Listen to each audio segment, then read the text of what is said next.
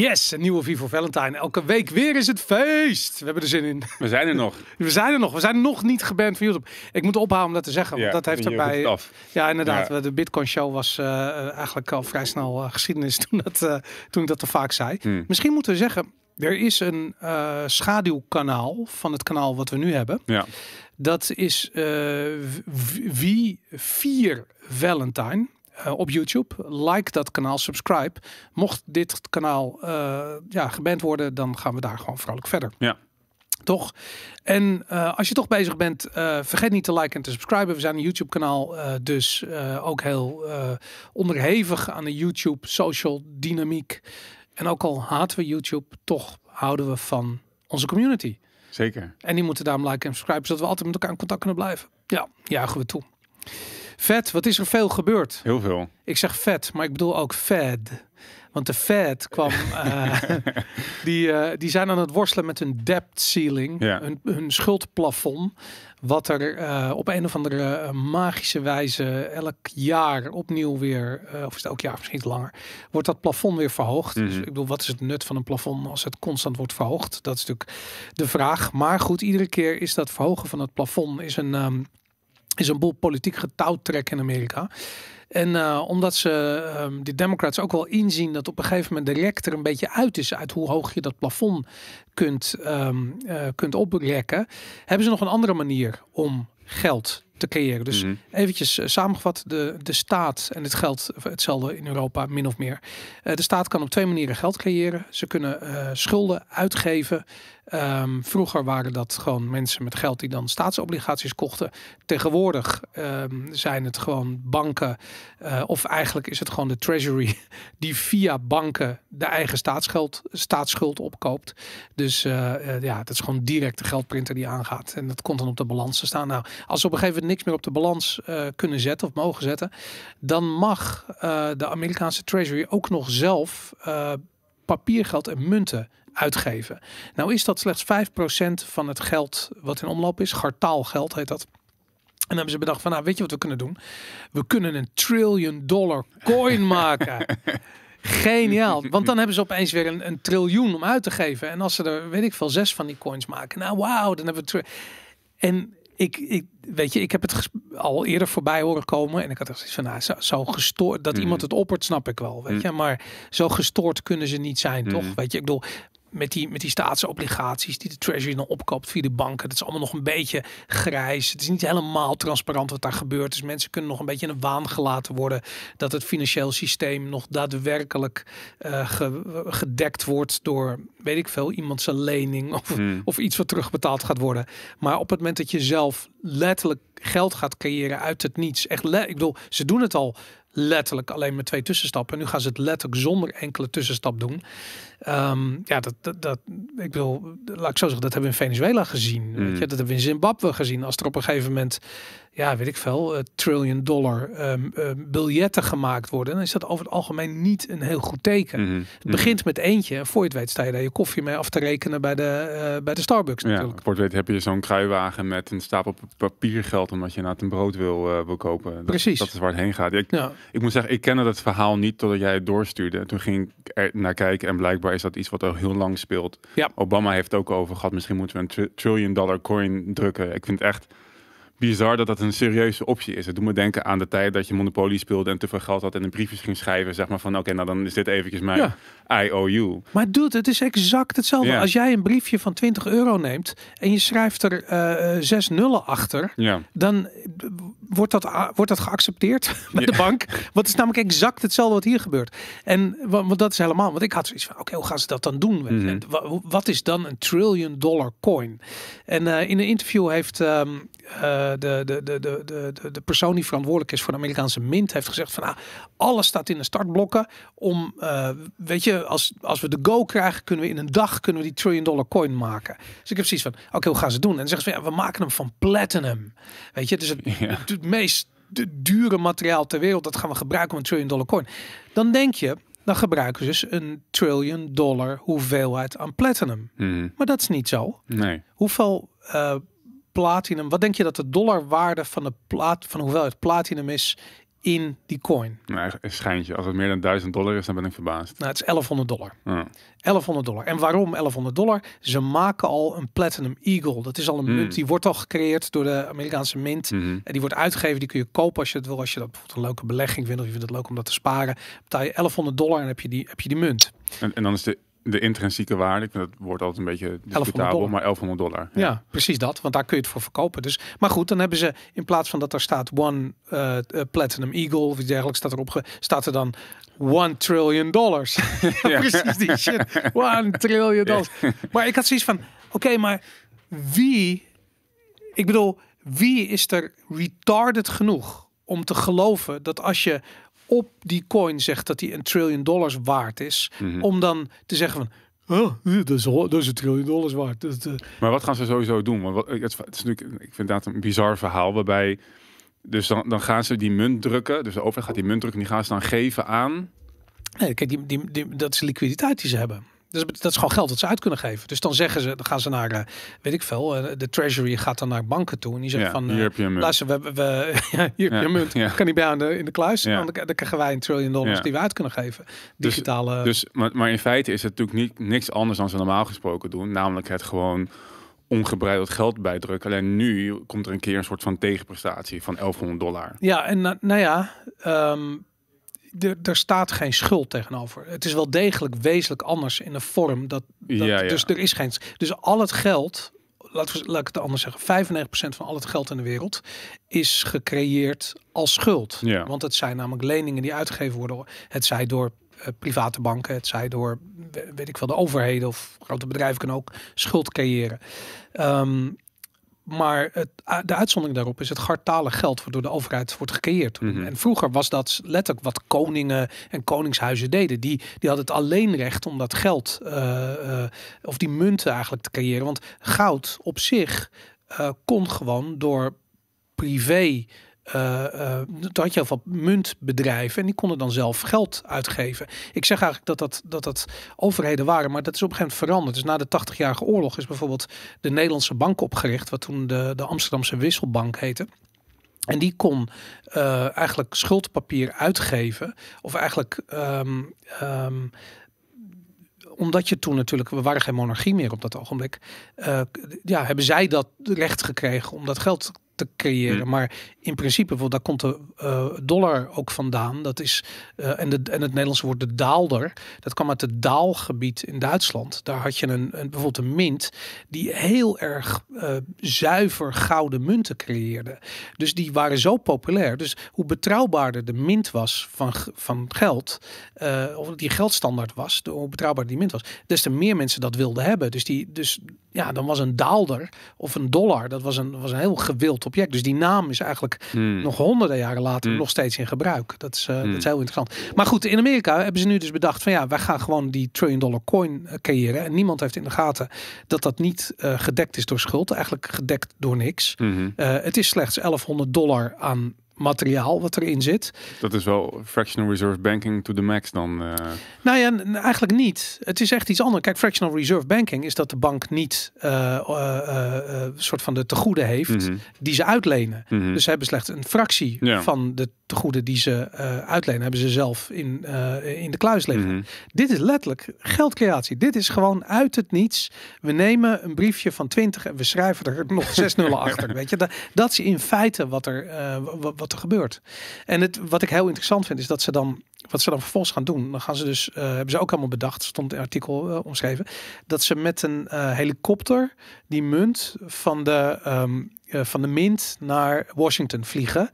En ik heb gezien, dat kost dus 10.000 dollar, dat, dat, dat ritje. Want dan moet de security mee en dat kost natuurlijk wat brandstof. En natuurlijk de huur van een helikopter en weet ik veel wat. En ik heb zoiets van, maar we hebben het over, een, over 1100 dollar aan platinum. Waarom moet je 10.000 dollar uitgeven om dit toneelstuk op te voeren? Ja. Weet je? Het, het is, het, ik bedoel, het is aan alle kanten zo overduidelijk een toneelstuk geworden. Er is niemand. Ik bedoel, als jij naar, naar de gouddealer gaat, of je, of je, je edelmetaaldealer met je 1 trillion dollar coin, en je zegt, mag ik hier 1 trillion dollars voor hebben? Dan, de- serieus, hij jaagt je de winkel Ja. uit. Weet je, Ja. ik bedoel, je krijgt 1100 dollar, want dat is wat de platinum waard is. En that's it. Geen cent meer. Dus, Mhm. Ehm, maar goed, je zou ook kunnen zeggen, en dat vind ik wel interessant, als ze eh, eh, dus die, die, die, die, die, ounce of platinum, die 1100 dollar waard is, als ze die, eh, of het is minder dan een ounce volgens mij, maar anyways, als je dat dus zegt van oké, wij als overheid verklaren nu dat gewicht aan platinum, wat vroeger 1100 dollar waard is, is nu een trillion dollars waard. Dat betekent een krankzinnige inflatie. Eigenlijk. Want Mhm. dat is wat je, wat je, je herijkt het. Mhm. Want je kunt je afvragen van ja, wordt de waarde bepaald door wat je er een soort van arbitrair opstempelt? Of zegt het ook iets over het materiaal, de onderliggende waarde, namelijk het materiaal wat je Mhm. daarvoor gebruikt? En je zou in eerste instantie precies van ja, het, het wordt arbitrair opgestempeld. Maar aan de andere kant zou je kunnen zeggen van nou, misschien dat dat. eh, ehm, ja, dat het wel omgedraaid kan worden. Misschien is dit wel een eh, dat ze alvast een eh, voorschot nemen op wat voor inflatie er zo meteen aan zit te komen. En ja, lachen we nu allemaal om die 1 trillion dollar coin. En zometeen staan we echt bij de Starbucks daar in koffie mee af te rekenen. Ja, absoluut. Dat is. Het ziet er wel naar uit als, als er zoveel geld in één keer wordt, wordt bijgedrukt. Want hoeveel, wat is de schuld nu van Amerika? Iets van 7 of 9? Ik dacht dat we richting de 30 trillion dollars gaan. Oh, zoveel. Oké, ik, ik hou het niet meer bij. eh. Maar ik, ik, ik weet het ook niet. Dat, eh, ja, het, het, het, is in, het bizarre is dat het in Amerika nog redelijk meevalt ten opzichte van een bruto binnenlands product. ja, Nou is de, die GDP-cijfers slaat, slaat ook helemaal nergens op. Weet je, ik bedoel, als de overheid, eh, de Nederlandse overheid bijvoorbeeld eh, 80 eh, miljard leent en begint dat vervolgens rond te pompen naar allerlei andere overheidsinstellingen en in uitkeringen, dan, dan is dat gewoon bruto binnenlands product. Er wordt Mm, niets gecreëerd. Mhm. Er, wordt, er is geen fabriek die iets extra's creëert. Sterker nog, het omgekeerde is waar. De, de, de reële economie krimpt, weet je, Hmm. want kleine bedrijven gaan failliet. Het is, een, het is één groot toneelspel en we worden gewoon besodemieterd. Mhm. En ergens moet er afgerekend worden. Mhm. En dat vind ik namelijk fascinerend, want als al de politici klaar zijn met hun toneelstukje en hun, en hun opvoering, dan gaan burgers op een gegeven moment gaan de rekening gepresenteerd krijgen. En dat zien we nu gebeuren. De gasprijs. Ik weet niet of je dat soort van je realiseert. Ik vraag me af of mensen zich in Nederland dat realiseren. Dat ze aankijken tegen een verdubbeling van hun gasrekening. Nou, ik kreeg zelf een, ehm, eh, dan krijg je een soort nieuw, termijnbedrag. Krijg je dan van je gasleven of je energiemaatschappij. Mhm. Ehm, ik betaal altijd 300 euro in de maand. Weet je, nou goed, oké. weet je, we verbruiken relatief veel. Mhm. Ik kreeg een nieuw termijnbedrag, dus een nieuw maandbedrag van 535 euro. Mhm. 500 fucking 35 euro in de maand Mhm. voor mijn energierekening. En dat is pas het begin. Het is niet dat we daar gaan eindigen. Het is pas het begin. Mhm. En ik heb echt zoiets van, fuck, waar moet ik dat vandaan halen? Weet je? Mhm. En hetzelfde ehm, eh, zie je gebeuren natuurlijk in andere. We gaan de voedselprijzen zo meteen omhoog zien gaan. Je, we, we hebben al de, de, eh, de tuinbouwers in Nederland gehoord, die natuurlijk gas gebruiken om die kassen te verwarmen. Eh, die zeggen van ja, we kunnen dit niet meer betalen. De prijs voor een tomaat gaat 25 cent omhoog. De prijs voor een bloem gaat 25% omhoog. Al die kosten leiden, al die inflatie, die gaat er gewoon toe leiden dat eh, mensen veel en veel meer geld gaan uitgeven. En eh, vandaar, of gisteren eigenlijk, we nemen nu op eh, op woensdag. En gisteren werd bekend dat Ja 21 een motie heeft ingediend ehm, tegen. Het, het was een beetje raar verwoord, maar het gaat erom dat ze willen dat het niet mogelijk wordt dat je huis belast wordt in box 3. En box 3 wil zeggen dat je vermogensbelasting. Dus eh, normaal gesproken als jij geld hebt of beleggingen boven een bepaald bedrag, betaal je daar in Nederland betaal je eh, een, volgens mij 30% belasting op een fictief re- rendement van, ik dacht 20%. Goed, hou me goed, ik ben geen accountant, ik weet het niet uit mijn hoofd. Maar ehm, dat gaat, daar gaat je huis nu bij. Dus stel je voor dat jouw huis, wat je ooit misschien, stel je voor dat je een huis hebt gekocht voor, ik zeg maar wat, 160.000 euro. Tien jaar geleden. En je woont er nog steeds. En dat huis is nu vier of vijf ton waard. Dat betekent dat als je huis eh, een WOZ-waarde heeft van vijf ton. eh, dat betekent dat je op dat ogenblik dat je 8000 euro, namelijk net al ongeveer 1,6 procent eh, per jaar, ga je betalen in je box 3 alleen al op het hebben van je eigen huis. Mhm. En dan kun je zeggen van ja, het is al onredelijk dat je eh, vermogensbelasting betaalt. Want je hebt namelijk al een keer belasting betaald om dat vermogen te vergaren. Mhm. Je hebt namelijk inkomstenbelasting betaald op de winst of op je inkomen. Of, of misschien je bedrijf winst gemaakt. Heb je winstbelasting daar en daar, nou whatever. Er is al belasting over dat. Maar nog een keer word je elk jaar, word je nog een keer eh, aangeslagen voor wat je dus privé hebt. Maar van beleggingen kun je nog zeggen van oké, daar is ook rendement. Weet je, misschien krijg je dividend uitgekeerd of weet ik veel. Misschien rente, whatever. Ehm, de, de, het is mogelijk dat dat ook inkomsten genereert die je vervolgens, waar je belasting over afdraagt. Maar je huis doet dat niet. Je huis, daar woon je gewoon in. Mhm. Weet je, je, je betaalt eh, eh, al een gasrekening waar wat volgens mij voor 90% uit belasting betaalt, wat verdubbeld wordt. En dan ga je zo meteen ook nog een soort van eh, eh, 700, wat is het, 600, 700 euro in de, in de maand belasting betalen op een huis met een WOZ-waarde van 5 ton. Mhm. En dan denk je van ja, 5 ton, dat is een duur huis. Nee man, je appartementje in de pijp, de, eh, eh, je, je, je, je rijtjeshuis in, eh, eh, de- weet ik van Amstelveen. Het is allemaal 5 ton als het niet meer is. Dus heel Nederland gaat zo meteen duizenden euro's betalen gewoon op het huisbezit. En dat is de grootste bubbel die we in Nederland gecreëerd Mhm. hebben. En dat is het erge. Waar komt die hoge huizenprijs vandaan? Van door die geldcreatie. Dus de overheid is die bubbel aan het oppompen om hem vervolgens aan de achterkant te met belasting te. Fuck off. Weet je, het is niet redelijk. Nee, nee, maar volgens mij zijn het de, de ehm moment van redelijkheid al lang, eh, al lang gepasseerd. eh. Ja, maar ik begrijp niet. En dat is natuurlijk mijn hele proces. En dat, gebeurt, dat er zijn zoveel van die onderwerpen. Dat mensen hebben het hier niet over. Ze zien dit niet. Ze, Mhm. lezen, ze lezen de kranten. Ze kijken nieuwsuur en twee vandaag. En weet ik veel wat voor bullshit. En ze zijn niet bezig Mhm. met wat er daadwerkelijk gebeurt. Mhm. En het, het is fu- fucking het CDA en de VVD notabene. Wat altijd soort van de reden dat heel Nederland op de VVD stemt is omdat ze niet willen dat de hypotheekrenteaftrek Ja. wordt afgeschaft. Daarom stemt iedereen op de VVD. En nu is de VVD zoiets van nee, we gaan hypotheekrente niet afschaffen, maar we gaan je wel helemaal kapot belasten in box 3 op je eigen huis. Ja. En eh, ja, man, hou op, schei uit. Ja, maar het is, het is, het is gewoon een dystopisch systeem. En ergens is het ook al heel lang gaande. Ik bedoel, is net hier op de achtergrond 1984 is nou. Maar dat is Ja. gewoon wat er gaande is. Van Ja. Al het bezit wordt ontmoedigd, ontmoedigd of, eh, of afgepakt. Want los van het feit dat je nu dus ga- gaat betalen voor eh, belasting, zeg maar, op je meer belasting op, op je huis.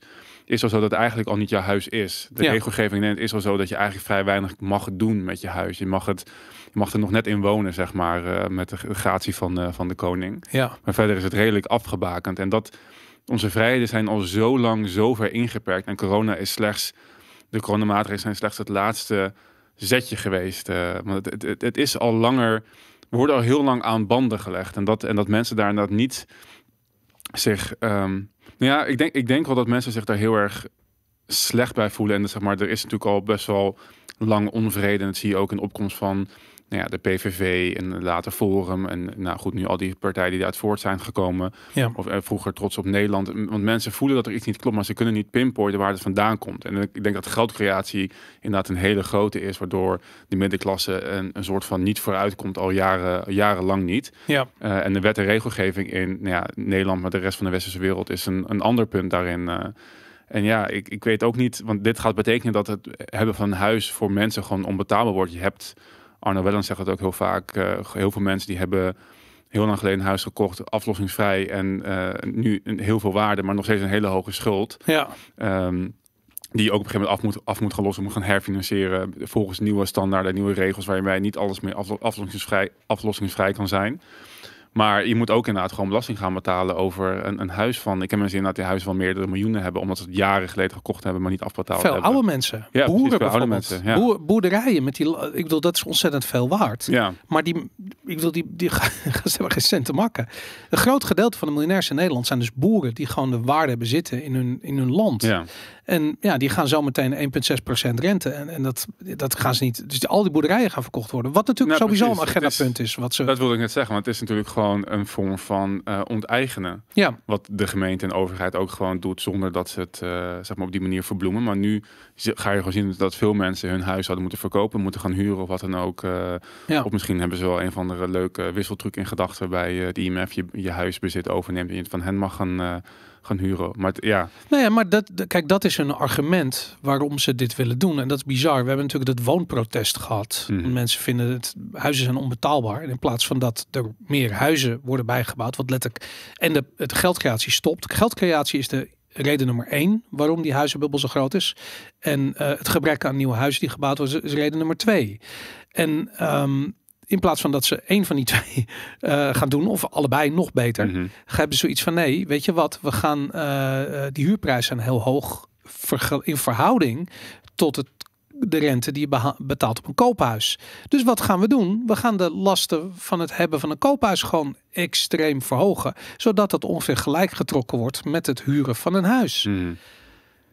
En ik heb zoiets van ja, iedereen die staat te protesteren voor eh, eh, betaalbare woningen, die gaat eh zometeen eh, ehm, ja, op zijn neus kijken. Mhm. Want betaalbare woningen gaan er niet komen. Nee, maar ja, want mensen, en dat is misschien wel het ding, mensen snappen dus niet waar het proble- probleem ligt. En dat is, toen we denken aan de oude slogan van, van de LP, de overheid is het probleem, niet de oplossing. Ja, En ik denk dat dat in, nou ja, ik kan bijna geen gebied bedenken waar dat niet het geval is. ja, Waarbij de overheid hun inmenging, en dat is inderdaad, dat, dat is onderliggend bij alles, dus met, met geldcreatie, want dat, dat komt in alle delen van de economie en de maatschappij voor.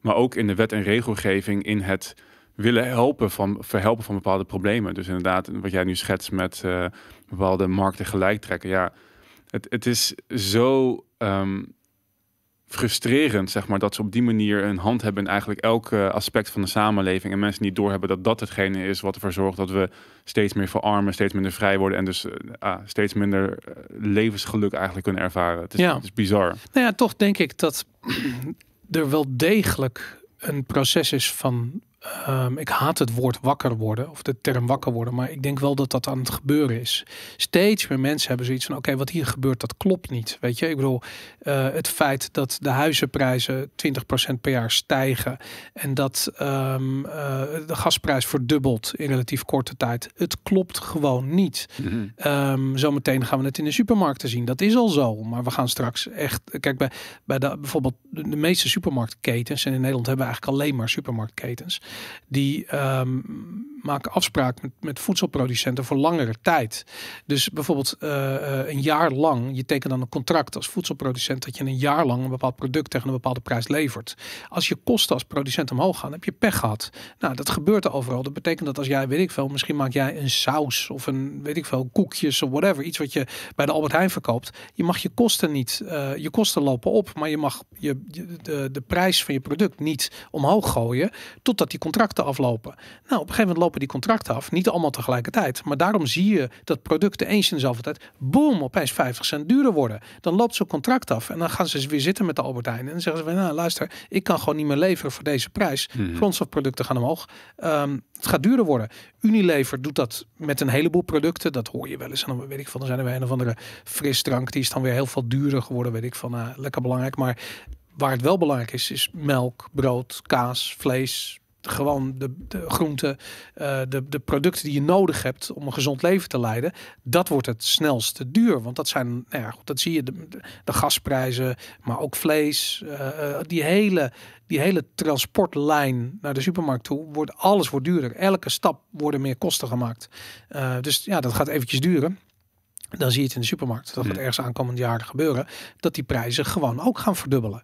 En dan gaan mensen misschien zoiets hebben van... waarom wordt alles zo duur? Maar je ziet het nu, nu al op een andere manier. Want nu, wat ze nu dus doen op het moment dat ehm, ze niet meer kunnen leveren voor de prijs, dan gaan ze gewoon niet meer leveren.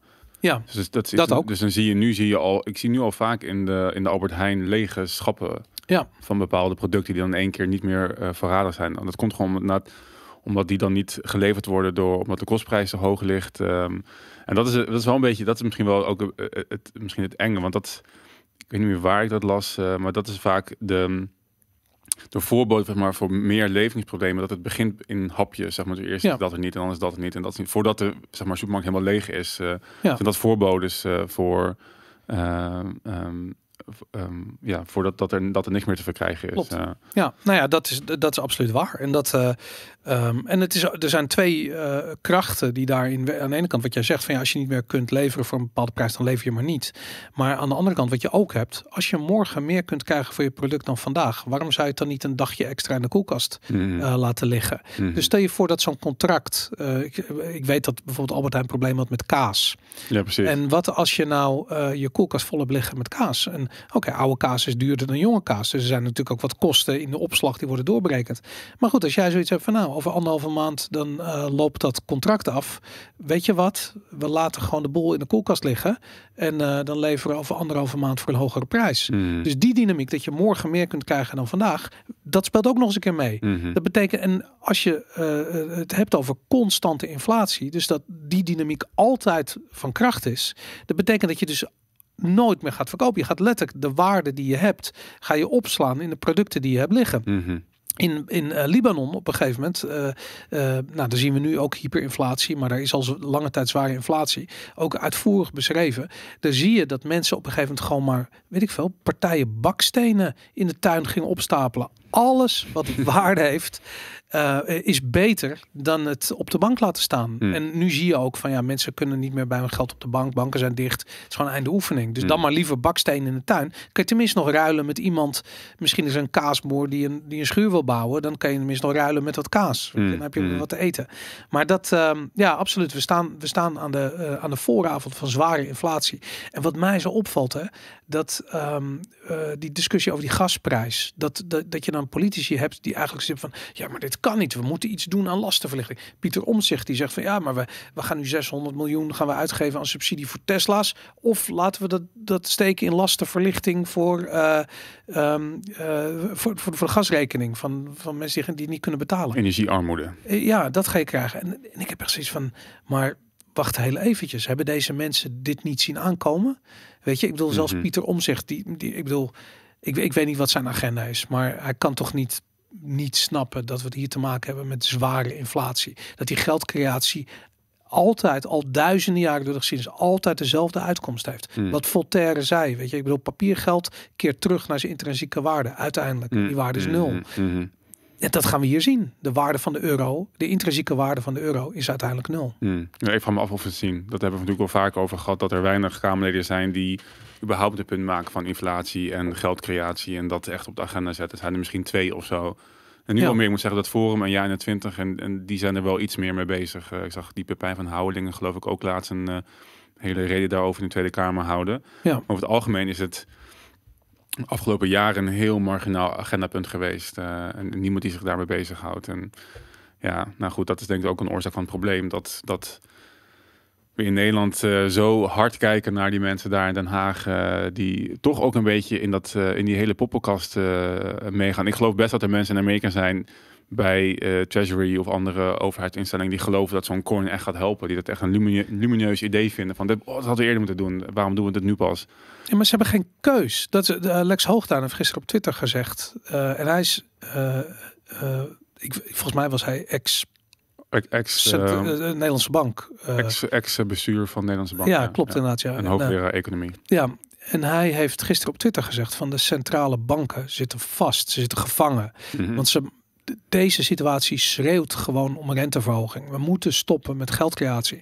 Maar als we dat gaan doen, stort de hele boel in elkaar. Krijgen we werkeloosheid, bedrijven gaan failliet. Want Mhm. mm -hmm. iedereen is afhankelijk van die, van die geldcreatie van de overheid. Mm -hmm. Dus iedereen hangt aan die tiet. Maar met een met wezenlijke economische productie heeft het niks meer te maken.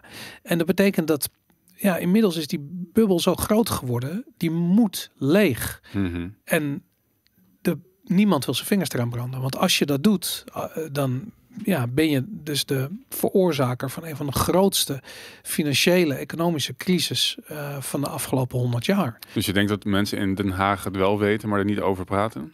Dat denk ik wel, ja. En daarom, kijk, Lex de Hoogtuin is niet gek. Die, die weet dat al jaren, weet je. Maar gaat er geen. Maar nu pas zijn we op het punt aangekomen dat hij het ook publiekelijk zegt. Mm -hmm. En ik bedoel, dat hetzelfde geldt voor uh, de centrale bankier. Ik bedoel, als je die gasten hoort zeggen van ja, de, de inflation is transitory. Je ziet ze gewoon, je ziet hun ogen gewoon dat ze liegen. Mm -hmm. En ze weten donders goed, het is niet transitory. En dan nu ik schoorvoetend is het oké, okay, we moeten rekening houden met, met langere tijden van inflatie, zeggen ze dan. Weet je, ja, Mm. weet je waar we rekening mee moeten houden? Dat de overheid je helemaal kapot gaat belasten. Alles en nog wat. En ook de gasprijs. En dat is de reden waarom we zo. Want dat is het, onder Rutte is de overheid is een gigantisch apparaat. Volgens mij hebben we twee Mm. keer zoveel ambtenaren als voor Rutte.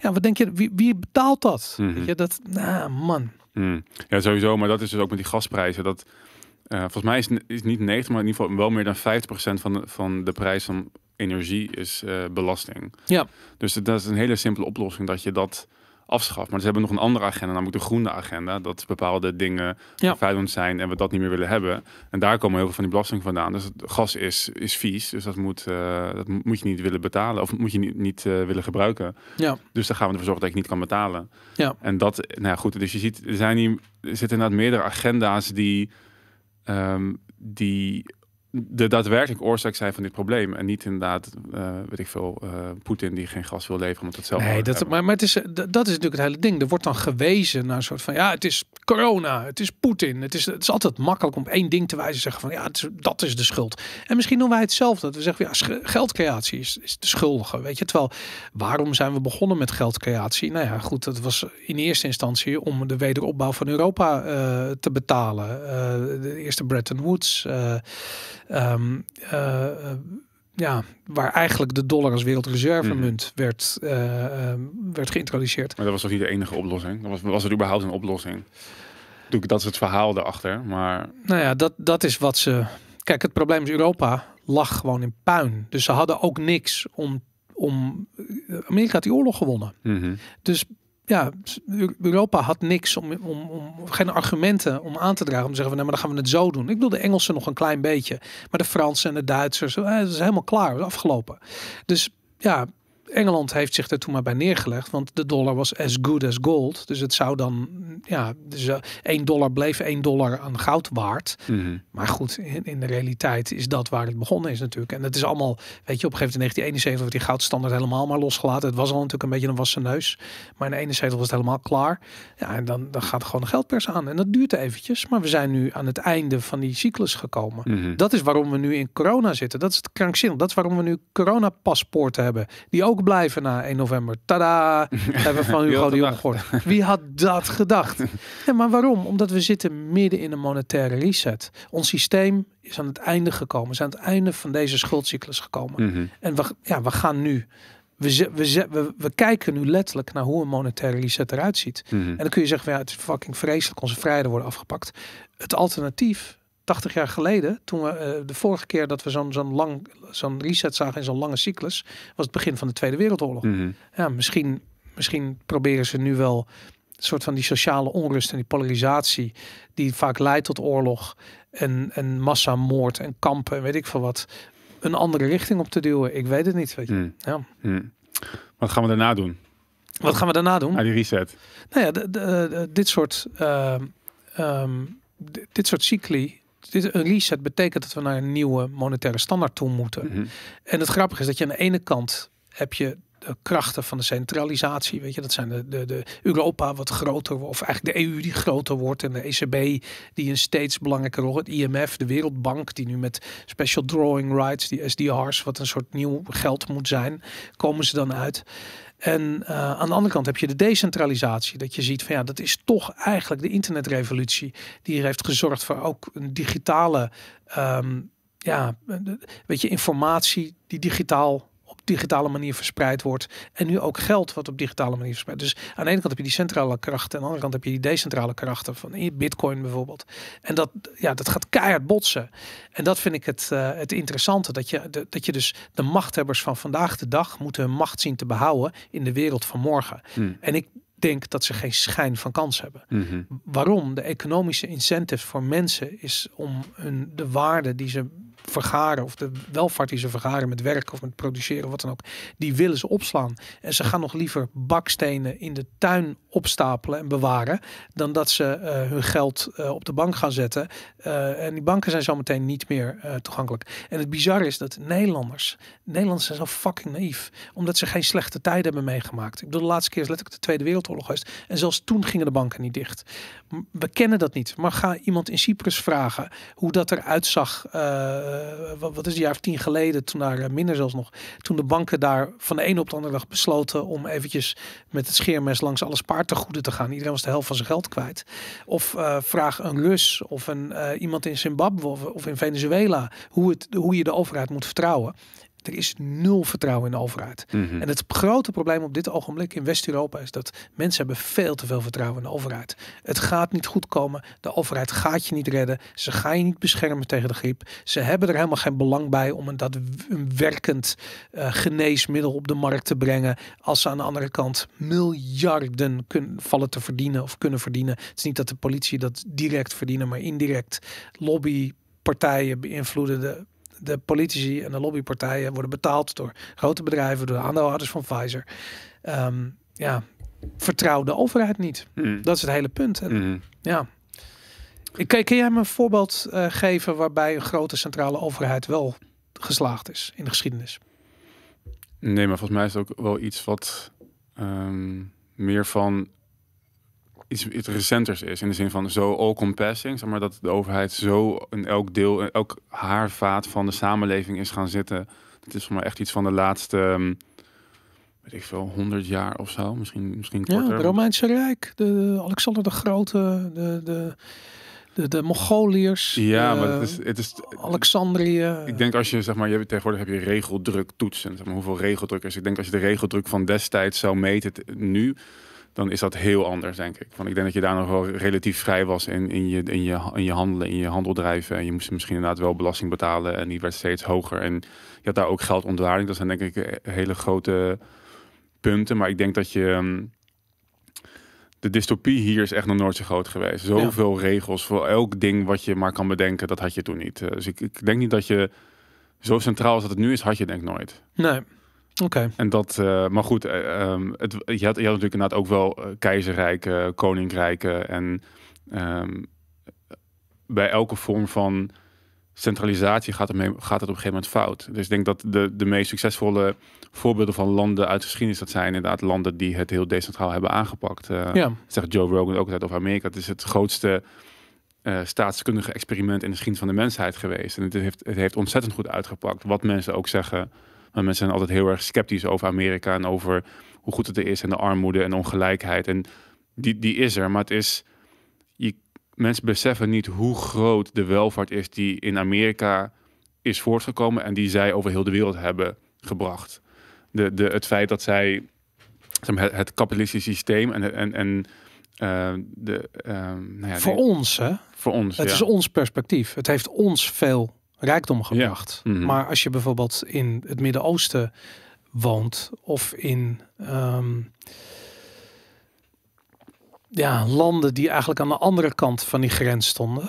Nou ja, het is, het is niet een. ehm, ik, ik praat nu echt over zeg maar, het idee van de, de decentrale eh, overheden, het, het- de Verenigde Staten van Amerika. Ja, Zeg maar, en hoe dat is ingericht, dat, dat staatsbestel en eh, dus de vrijheid die je krijgt om te ondernemen, dat heeft zoveel welvaart gebracht. En ook in de rest van de wereld, want ook wat in Amerika wordt geproduceerd, dat wordt over heel de wereld verscheept.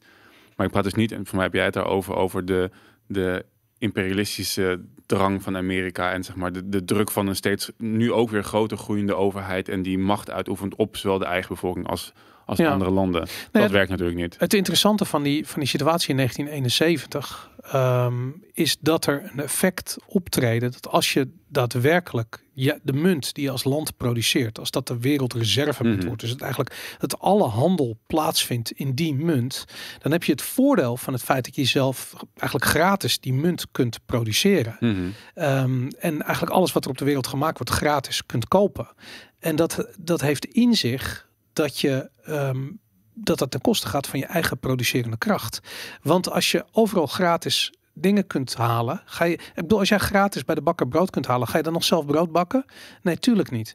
En dat is eigenlijk wat er gebeurd is. En dat, dat effect werd al in 1971 werd dat, eh, ehm, eh, werd, dat omschreven door een econoom. En dat. ehm, dat is uiteindelijk eh, werkelijkheid geworden. Want Amerika is al zijn productiviteit kwijtgeraakt aan bijvoorbeeld China. En eh, eerst was het Taiwan en Japan en nu China. Mhm. en, en nu gaat het eigenlijk naar Bangladesh en Ja. weet ik van andere landen, maar niet Amerika. Want Amerika kan niet concurreren met dat soort landen. Nee, maar dat kunnen ze wel. Alleen, alleen niet op de manier waarop ze nu hebben ingericht. Maar die vrije markt, die, die, die leidt eronder. Dus ja, inderdaad, alle, alle, alle wetgeving rondom ehm, arbeidsrecht, eh, de belasting. Amerika was dus inderdaad een ondernemersland, maar heeft gewoon heel lang de hoogste vennootschapsbelasting ter wereld gehad. Dat is gewoon echt een bizar hoog bedrag. Ja, Trump heeft dat, heeft dat weer teruggeschroefd eh, naar een wat meer acceptabel niveau.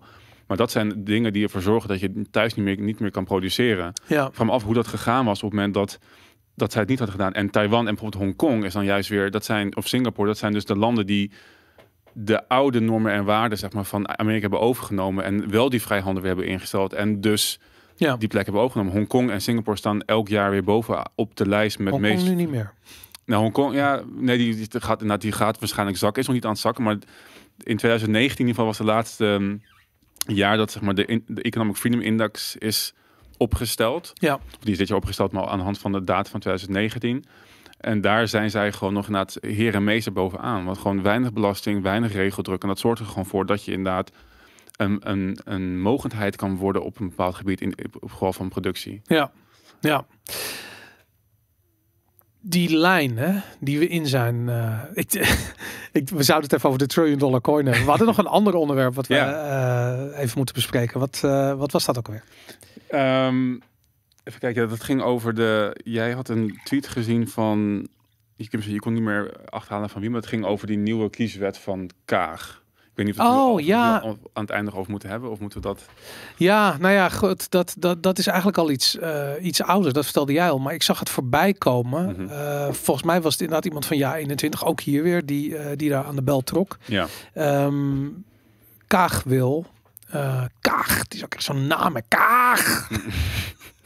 die wil dus dat de namen van de stembiljetten afgaan. Dus Ja. namen van de volksvertegenwoordigers gaan van de stem. En je kan maar partijen stemmen. nou ja, deels. Zij, ehm, wat zij wil is dat er zeg maar een extra vakje boven het stembiljet komt te staan, waar de partij op komt te staan. Dus dan kan je niet meer alleen maar op, zeg maar, op volksvertegenwoordigers stemmen, maar gewoon op de VVD. Ja, En ik heb het, ik heb het een, ehm, Martin Bosma had ook een hele rant over, over die nieuwe kieswet. Ehm, en ik dacht misschien is het interessant om te kijken naar hoe ons parlementair systeem in elkaar zit en waarom het zo in elkaar is gezet en met welke reden. ja. En waarom dus het idee van Kaag om een partij bovenaan te zetten een heel slecht idee is. Hm. Want het idee van een, eh, überhaupt is het, het concept politieke partij komt helemaal niet in de wet voor. ja. Want dat is, dat is iets wat erin geslopen is in onze democratie, maar helemaal geen gegeven is en, en hoeft te zijn. ja. En wat je nu ziet is dat de VVD natuurlijk heel veel macht heeft over wat er gebeurt in de fractie. ja. Je hoort vaak over de ijzer, ijzersterke fractiediscipline van de VVD. En dat de afdeling communicatie eigenlijk heer en meester is. Het gaat vooral om de vorm. We moeten in de regering blijven. Het gaat niet, zeer, niet zozeer om visie. En we willen vooral geen afvallige eh, Kamerleden hebben. Het zien we ook in de, in de omzichtkwestie. Hm. Dat is gewoon alleen maar lastig. En daarom is het ook zo dat mensen op naam gekozen moeten worden. En tegenwoordig gebeurt dat niet meer zoveel. Mensen stemmen vaak gewoon op een partij. En vanuit die gedachte is ook dit, deze nieuwe kieswet in, ingestoken. Zo van ja, maar als mensen toch een partij stemmen, zet dat dan ook gewoon bovenaan het, aan het vakje. Mhm. En hoe het nu is ingeregeld, valt het nog wel mee. In de zin van, we, eh, ze, ze zeggen van, je kan stemmen op de VVD, maar er worden de stemmen evenredig verdeeld over de mensen die bovenaan de lijst staan. Mhm. En die mensen krijgen nog steeds op naam hun, hun zetel. Eh, en wat ze erbij hebben gedaan is dat, dat eh, het, het krijgen van voorkeurs, het, het, ehm, het ontvangen van voorkeurstemmen is nu voordeliger. In de zin van, je hebt minder voorkeurstemmen nodig om de Kamer in te komen. Dus in die zin klinkt het, vond ik dacht, nou, dat klinkt wel positief. Dus op het moment dat, je, dat mensen eigenlijk niet weten wie ze stemmen, stemmen ze gewoon op de partij. En de mensen die wel echt iemand in willen hebben, stemmen daarop. En die zijn dus nu eerder geneigd om de Kamer in te komen als je dus laag op de lijst staat. Ja, Alleen wat ik het probleem vind, is dat het idee dat je op, op, een, op een partij kan stemmen hier wordt geïntroduceerd. En je dus meer macht bij die partij gaat neerleggen. En het is voor mij een kwestie van tijd dat ze zeggen, ja maar als die zetels toch bij de, aan de VVD toebehoren, laten ze dan gewoon op naam van de VVD zeggen. En dan heb Ja. je dus het hele checks en balances waarbij Kamerleden eigenaar zijn van die zetel en dus gewoon zonder ehm, ehm, last en ruggespraak kunnen stemmen. En dat is namelijk het idee van een, van een Tweede Kamer. dat je moet- bestaat dat nog wel eigenlijk? Nee, dat bestaat nu al amper. En dat wordt met zo'n wetsvoorstel denk ik nog minder. Want je Ja. ziet al dat jij eigenlijk niet dwars mag liggen. En je ziet dus ook al dat de coalitiepartijen altijd meestemmen met, met de coalitie, met het, met het kabinet. Terwijl het, het idee van ehm, ons Mhm. rechtssysteem is dat we machten eh, scheiden. Dus ook het, eigenlijk het principe van libertarisme, waar wij moeten machten zoveel mogelijk scheiden en decentraliseren, omdat je anders corruptie krijgt. Het is gewoon in de hele geschiedenis van de mensheid bekend geweest. En daar hebben wij uiteindelijk onze Mhm. moderne samenleving op, op opgezet. Dat, wordt, dat, dat, nou ja, dat, dat raakt kwijt. En Ja, we, je wil een Tweede Kamer hebben die onafhankelijk van de regering, die, die regering controleert. ja, En nu zie je dat dat niet het geval is. Daarom ben ik altijd voorstander van een minderheidskabinet. Want dan krijg je wel een klein beetje weer die werking in de Tweede Kamer terug. ja. En nou, maar, maar dit wetsvoorstel zorgt dus voor dat eigenlijk die, ehm, dat die onafhankelijkheid nog kleiner wordt. En dat eigenlijk de VVD, de CDA en alle grote partijen gewoon de macht in handen krijgen. Want Ja. het bestuur bepaalt gewoon wie de zetels he- eh, hebben en hoe zij moeten stemmen. En dat, Ja, kijk, in feite is het een formalisering van een situatie die Ja, al heel lang bestaat. Mhm. En dat is het nare eraan, dat je steeds weer geconfronteerd wordt met eh, hoe, eh, eh, ja, hoe ons systeem werkt. Weet je, ik bedoel, we hebben elke vier jaar hebben we verkiezingen, maar we hebben al twintig jaar lang dezelfde. het, het kabinet doet al twintig jaar lang hetzelfde bij wijze van spreken. En sinds, sinds de EU maakt het helemaal niet meer uit. Weet je, zijn we eigenlijk alleen maar gewoon van Europese agendapunten aan het afwerken. En dat, ehm, dat is vervelend. En het is pijnlijk om het zo zichtbaar te zien. Mhm. ik bedoel, ik, ik, ik put best wel veel hoop uit het feit dat bijvoorbeeld in Polen eh, het Hooggerechtshof heeft gezegd van nee, maar de lokale grondwet gaat boven de EU-grondwet. Mhm. Want de EU is geen democratisch, eh, democratisch gekozen orgaan. En terecht, weet je. Ik bedoel, natuurlijk zeggen ze dat. En er zijn andere landen in Oost-Europa die dat ook doen. Maar hier, ja, ik weet niet, weet je. we zitten natuurlijk ook... Ik bedoel, Duitsland en Frankrijk zijn de landen die de, eh, die de agenda bepalen in de EU. Dus Mhm. ja, weet je, daar zitten we gewoon nogal dichtbij. Nederland stelt geen fuck voor. Maar Hm. ja, weet je, wij zouden ook moeten zeggen van ja, onze grondwet is belangrijker dan die EU-agenda. Ja, we moeten ook wel eerst een nieuwe grondwet krijgen. Want deze... Ja, we hebben geen, geen, geen, geen functionele grondwet natuurlijk. Dat, is, dat is het probleem, ja.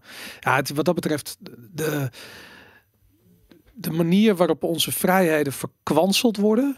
ehm, belooft weinig goeds voor de toekomst. Mhm. Ik, de, ik weet zeker dat we op een dag de balans gaan opmaken van wat er nu bijvoorbeeld gebeurd is met corona. En we zien, we horen dat nu al langzaam. hè. Een soort van de oversterfte onder jonge doelgroepen die eh 100% hoger ligt. En of dat nou de gevolgen zijn van lockdowns, of dat het nou direct vaccinatieschade is, whatever wat er aan de hand is. Mhm. Ehm dat moet onderzocht worden. En als op een gegeven moment de balans wordt opgemaakt, hebben mensen iets van: oké, dat overheidsingrijpen heeft vreselijk averechts gewerkt. En als die conclusie wordt getrokken, nou misschien dat mensen zoiets hebben van: oké, dit moeten we niet laten gebeuren, niet nog een keer. Wat je dus, wa- daar hadden we het vanochtend over, dat landen die, eh, waar mensen nog een communistisch systeem hebben meegemaakt, die mensen vertrouwen de overheid niet. Die Mhm. hebben gewoon zoiets van: de overheid kan per definitie niks goed doen. Ehm, ja, gecentraliseerde bureaucratieën zijn alleen maar in staat om regels te creëren die erop neerkomen dat ze zelf meer krijgen, meer geld, meer, meer shit. En die mensen zijn allemaal bezig om dat te omzeilen. En hier in Nederland hebben we die, we hebben die, die skepsis nog niet. Weet je, je Mhm. moet die skepsis naar de overheid hebben, anders wordt die overheid veel te groot. En Mhm. ja, wat dat betreft West-Europa helemaal, maar Nederland absoluut ook in het bijzonder. Wij zijn gewoon gemakkelijke prooien voor die, voor die, voor die bureau- bureaucratie. Mhm. Ja. ja, en waarschijnlijk ehm, als we nu gaan meemaken hoe dystopisch dat kan zijn, dan zijn wij eh, het, het Oost-Europa, ehm, over tien jaar zijn wij het Oost-Europa van nu. Ja, nou ja, over tien jaar, ja, inderdaad. Laten we hopen dat het niet gebeurt, jongens. Nee. Dat, eh, ik, zie, ik voel een andere wind waaien. Dat, eh, ja, dat wel. Ja, ik ben ook wel... Ja, ik, ik ben sowieso wel... eh, ik heb het idee dat jij een beetje gedraaid bent. Ik heb het idee dat ik in het begin, als we gesprekken hadden, ook voor en na de show, dat ik altijd zei van, ja, volgens mij komt het wel goed. Ik voel wel dat er dingen zijn. En, Ja, en, en ik heb het idee dat, dat, dat, dat, dat meer mensen dat nu inderdaad gaan, gaan, gaan, gaan voelen. Dat je ziet dat mensen het gewoon niet meer accepteren. ja. Nou, ik vind wa- wa- wat voor mij een groot verschil is geweest. En laten we het eerlijk wezen, die QR-codes, dat, eh, dat dat. Dat is natuurlijk waar het om gaat. Dat dat voor heel veel mensen, of ze nou wel of niet die experimentele behandeling zijn ondergaan, eh, een, een, een punt is dat zoiets hebben van ja, maar dit niet. Weet je, dit is niet het land waar we willen leven. Mhm. En ehm, ja, dat, ik vind, dat geeft me een soort van hoop. Weet Mhm. je, ik bedoel, ik heb ook letterlijk, ehm, echt serieus, ik heb nog nooit, ben ik gevraagd, één keer ben ik gevraagd, daar heb ik het over gehad al. Maar sindsdien ben ik nog naar kroegen geweest, naar restaurants geweest, weet ik veel. Ik ben niet gevraagd naar die shit. Mhm. En eh, als het al een keertje ter sprake komt, dan is het een scho schoorvoetend, wordt het geopperd. En dan lachen we het hele onderwerp weg. En het is ook Mhm. ongemakkelijk ook. En fuck it, en wat wil je drinken? Weet je, nou, en dat, eh, dat, ja, dat, dat, ik weet niet, maar dat geeft me gewoon hoop dat mensen zoiets hebben van ja, met z'n allen nuchtere Hollanders zijn, ehm, is een goede eh, buffer van verdediging tegen die alles verstikkende bureaucratie die ze aan het uitrollen zijn. Mhm. ja. ja, dan... eh, En nu worden we echt van YouTube afgetrapt. ja, stop het ermee. maar echt serieus. Dus vergeet niet eh, te abonneren op V4 Valentine, eh, het YouTube kanaal. En ja, like en subscribe dit voor zolang het nog kan. En check de website, vivovalentine.com. Absoluut. Cool.